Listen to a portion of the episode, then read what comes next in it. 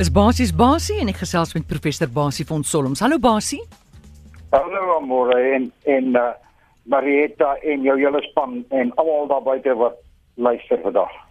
Die Amerikaanse rekening soek nou al jou sosiale netwerk aktiwiteite as jy aansoek doen vir 'n visum. Moet jy dit vir hulle gee of hulle kan homself daai huiswerk doen?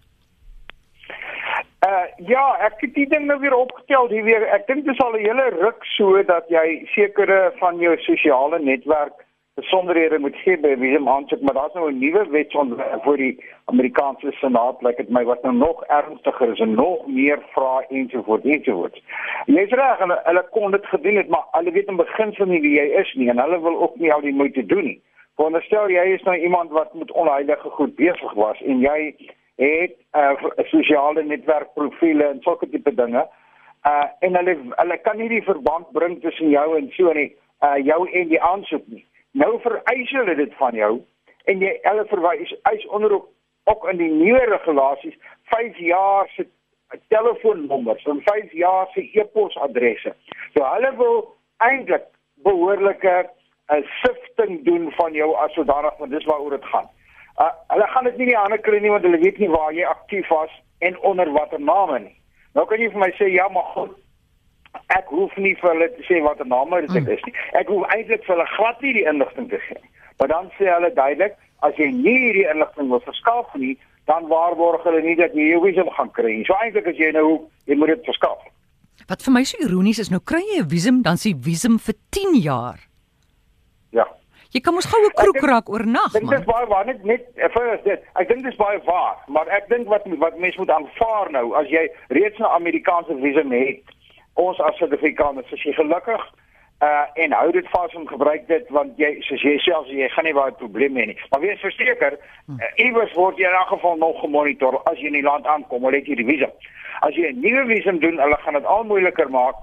Uh omdat ek dink hulle hulle is bietjie paranoïes oor hulle eie veiligheid, miskien net rede daarvoor, maar die 10 jaar hou en gebruik dit terwyl jy kan. Maar dit gaan moeiliker word. Goed, Basie in Australië kla die mense oor Uber se vals eise, selfs hier gebeur dit ook met mense. Hulle kwoteer jou op 'n bedrag, hulle sê van die lughawe af Randburg toe kos dit R100. Môre oor môre kyk jy op jou kredietkaart dan hulle R150 afgetrek. Wat doen mense in so 'n geval? Ja, ek dink die geval van van Australië is is 'n bietjie anders. Ek sou terugkom na jou geval toe. Maar wat, wat skynbaar daar gebeur en wat my ek nog opgetel het oor ander plekke in die wêreld is dat jy kry inskrywings op jou kredietkaart van ritte wat jy nie gemaak het nie. Met ander woorde totaal ongemagtigde ritte. En ek het bietjie gaan kyk hoe kan dit gebeur? En eintlik moet 'n mens weer eens, ek dink die les hier in is vir almal van ons wat een of ander kiberruim toepassing gebruik waar jy 'n wagwoord moet insit. Onthou, as iemand anders die Uber toepassing op sy foon het en hy het jou aanteken inligting op een of ander manier in die hande gekry. Dan kan hy op sy foon inteken, hy kan Uber bestel en jy gaan betaal daarvoor. Nou kry ek die idee dat in Australië, hoekom dit toevallig in Australië is, ek dink dit gebeur reg oor die wêreld. Aan die ander wyse as jy jou aanteken inligting tot jou Uber toepassing op een of ander manier kompromiteer of as jou foon geïnfekteer is en dit word na die kubermisdadiger toe gebruik. Of as jy vanaand vir jou foon by die huis vergeet het hmm. en jy sê vir jou vriend of jou vriendin, kan ek Uber bestel op jou foon? Dan kan jy dit doen. As hy die Uber toepassing het, kan jy dit doen. Dan teken jy daarvan in en jou jou jou, jou voertuig kom. Maar as daai persoon se foon geïnfekteer is met kwaadwillige programmatuur, gaan hy jou aanteken inligting optel. So daar's baie maniere waarop hierdie situasie kan gebeur. So die die die die wenke is eerstens weer eens soos in enige ander ding. Wees baie versigtig met jou aanteken inligting. Moet dit nie deel nie want ander mense gaan dit misbruik. En tweedens, hou jou kredietkaart staat dop want as jy daar 'n transaksie hmm. sien wat nie joune is nie en dit geld nie net vir Uber nie, dit geld vir enige kredietkaart transaksie. So gou as moontlik. Baie mense kyk eers maande later na hulle kredietkaart transaksies op hulle state. Gaan nie jou staat na enigiets wat nie daar moet wees nie. So gou as moontlik uh bevraagteken dit en die kans is baie goed dat jy jou geld gaan terugkry. Goed in New York, die stad New York nou gaan hulle spesiale hulpmiddels beskikbaar stel om inwoners te help om hulle self teen kuberaanvalle te beskerm. Nou wat behels dit? Man, ek is so opgewonde hieroor. Ek moet jou sê, hierdie is nou vir my 'n uh, uitstekende voorbeeld van die goed waaroor ons nou ook al 2 jaar gesels. Wat moet gedoen word? Wat moet 'n mens doen? Hoe kan die gewone mens in die straat, dis nou ek en jy, gehelp word? In Suid-Afrika is dit mag ons weet dit. As jy wil weet wat die beste antivirusprogram, as jy wil weet as jy as jy met jou foon aktief is, is hier kwaadwillige programmatuur virusse op my foon. Jy weet nie, jy weet nie waar eintlik om te gaan opsoek nie. Wat hulle nou sê, hulle gaan nou hierdie gratis toepassing het hulle ontwikkel en die eerste versie daarvan gaan nou beskikbaar raak. Hy, jy kan hom aflaai, hy's verniet en hy gaan nou vir jou 'n klomp goed doen wat ek en jy graag gedoen wil hê. Hy gaan vir jou sê, man, hier is 'n verkeerde ding. Hier's 'n virus of 'n rot op jou op jou foon. Hy gaan nie hy gaan nie afhaal nie. Hy gaan niks doen nie.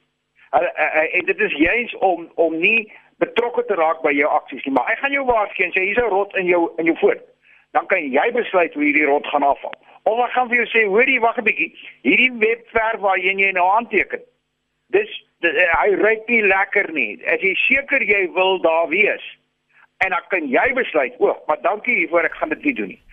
So hy hy gaan ook vir jou sê, hoorie, hierdie hierdie uh, wifi waar jy by aanteken hier, hy's nie 'n veilige wifi nie.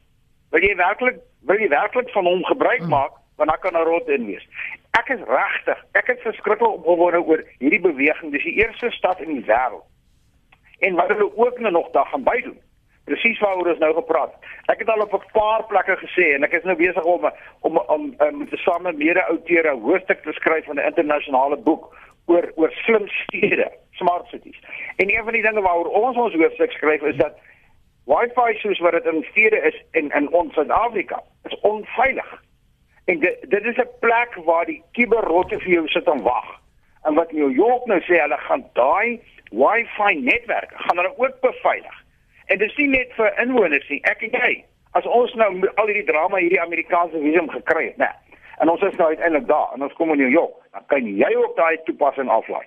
En jy kan ook veilige kiber dinge doen in New York want hulle gaan jou waarsku teen die rotte. Ek ek dink hierdie is 'n ongelooflike stap vorentoe. Ek hoor munisipale bestuurders, burgemeesters, wie ook al in hierdie land van ons luister, hoor dit en begin dink daaraan. Goed, Basie help gou hierso. 'n E-pos van 'n luisteraar wat gereageer het op 'n boodskap op sy foon wat beweer het daar is 'n virus op sy foon en dat hy 'n gegeewe skakel moet klik om dit reg te maak. Groot drama toe. Moenie, moenie, moenie. Ja, uh, uh, die persoon het nogal persoon met my gesels. En uh, gewoon, jy weet uh, en en die en dit is baie interessant die menslike faktor. Jy jy's besig en jy kry hier skielik 'n boodskap op jou foon wat sê hoor hier's 'n probleem, uh hier's 'n virus op jou foon. Ehm um, klik op hierdie skakel. Nou, ons het al honderde kere daaroor gepraat. En dit klink verskriklik maklik om te sê moet dit nie doen nie. Mm. Maar die luisteraars daar buite weet hoeveel van van ons het al geval daarvoor. En die persoon het dit gedoen en die volgende dag op later daai dag toe vind hy uit al sy plek, al sy toepassings, alles is gesluit. Hy kan nêrens uitkom. Sy hele foon is gesluit. So dit was 'n kuberaanval. Dit was 'n 'n rot wat op sy foon ingekom het omdat hy op daai skakel geklik het en daai rot het iets gedoen. Wie weet wat wat hy verder gedoen het, weet mens nou nog nie. En wat hy nog besig is om te doen. So in daai geval, vat jou vat jou foon en laat hom van 'n kant af skoon vee. Uh gaan na 'n plek toe wat vir jou forensiese skandering doen en ek dink in elk geval ons daaroor het ek ook al iets gesê gehad. Jy vat jou motor elke 6 maande of elke jaar in vir diens. Mm. Voorkomende diens om hom te laat seker maak is reg. Vat jou foon ook Jy vat jouself in van tyd tot tyd hospitaal toe en sê doen voorkomende toetse op my om te sien of ek reg is. Maar ons fone lê net daar en ons sit net meer goed op en ons doen net meer dinge. Vat jou foon ook vir 'n hospitaalondersoek van tyd tot tyd na 'n winkel toe of hier al ons groot winkelsentrums is daar rekenaarwinkels wat te graag vir jou teen 'n bedrag natuurlik, mm. maar jy gaan ook nie verniet hospitaal toe ja, of jy dat ook ja. nie jou kar van die diens nie. So laat diens jou foon. So basie ek sê vir hulle, "De, toets my foon vir virusse." Is dit wat ek sê vir hulle? Ja. Okay. Jy so jy stap, ek het nou dag hier in George in in, in hierdie tuinroete winkelsentrum ingestap. Baas, een van ons baie bekende Ehm um, kyk dan groepe. Daar staan duidelik op hulle hekke, op op hulle op hulle venster geskryf. Bring jou foon in, ons kan deur hom vir jou. Ons sê vir jou of daar snaakse rotte of wat Okay. ook al op. is. Basie, gee vir my twee aanduidings waaruit ek kan aflei dat my foon moontlik 'n rot op het. Uh eerste ding, eerste ding, hy werk stadiger. Jy jy ek het hoeveel mense wat al vir my kla sê Ja. my foon is so stadig. Ja. Hy ek hy vat so lank om by 'n toepassing uit te kom of wat ook al. Ruik iets, daar's iets nie lekker nie. So dis 'n baie baie algemene uh wenk wat jy kan doen uh, wanneer jy kan kyk. Tweedens, jy moet uh as jy as jy snaakse toepassings, as jy snaakse toepassings op jou foon sien en weer eens diens jou foon of ondersoek jou foon Mm. soos wat jy jou liggaam van tyd tot tyd ondersoek as jy in die bad sit op of so iets. ondersoek jou foon en sê is hier nie 'n toepassing. Daai daai Ah. tekentjie wat hier op my foon lê. Ek ken hom nie, ek het hom nie daarop gesit nie. Dis 'n foon, iemand het daai ding gelaai, hy lê daar, jy kyk voor hom, jy kyk hom mis. Hy moenie daar wees nie. Haal hom uit, vernietig hom, vat hom weg. Wonderlik. Basie, baie dankie en geniet jou tyd daar by die see en ons praat weer volgende week. Ons praat volgende week as ek terug in Johannesburg en dan hoor ek jy jy sê dit reën so lekker daar. Mm. Uh, ek hoop nie my dak lek nie. Ja, gits, ons hoop ook so. En Basie kan jy kontak by RSG Basie by gmail.com.